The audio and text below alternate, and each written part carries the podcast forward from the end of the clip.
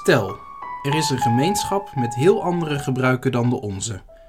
Zo heeft men de gewoonte om voorwerpen aan te duiden door met een vinger een cirkel in de lucht te trekken om dit voorwerp.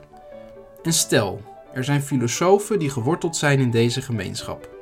Als ze beginnen te filosoferen, dan zijn ze geneigd om te zeggen: Alle voorwerpen zijn cirkels. Kijk maar, de bank is een cirkel, de stoel is een cirkel, de eettafel is een cirkel, enzovoorts.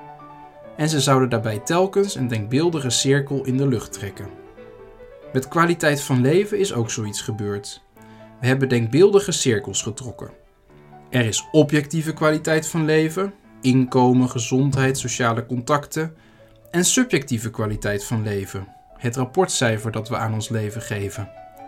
Beide kunnen we meten. We gaan ermee aan de slag en voilà, we kunnen kwaliteit van leven meten en verklaren.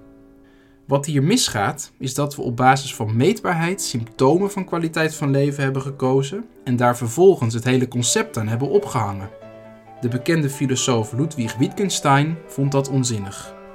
Er bestaat zeker een mate van voldoening, zei hij, maar het is dom om te spreken van het meten van voldoening.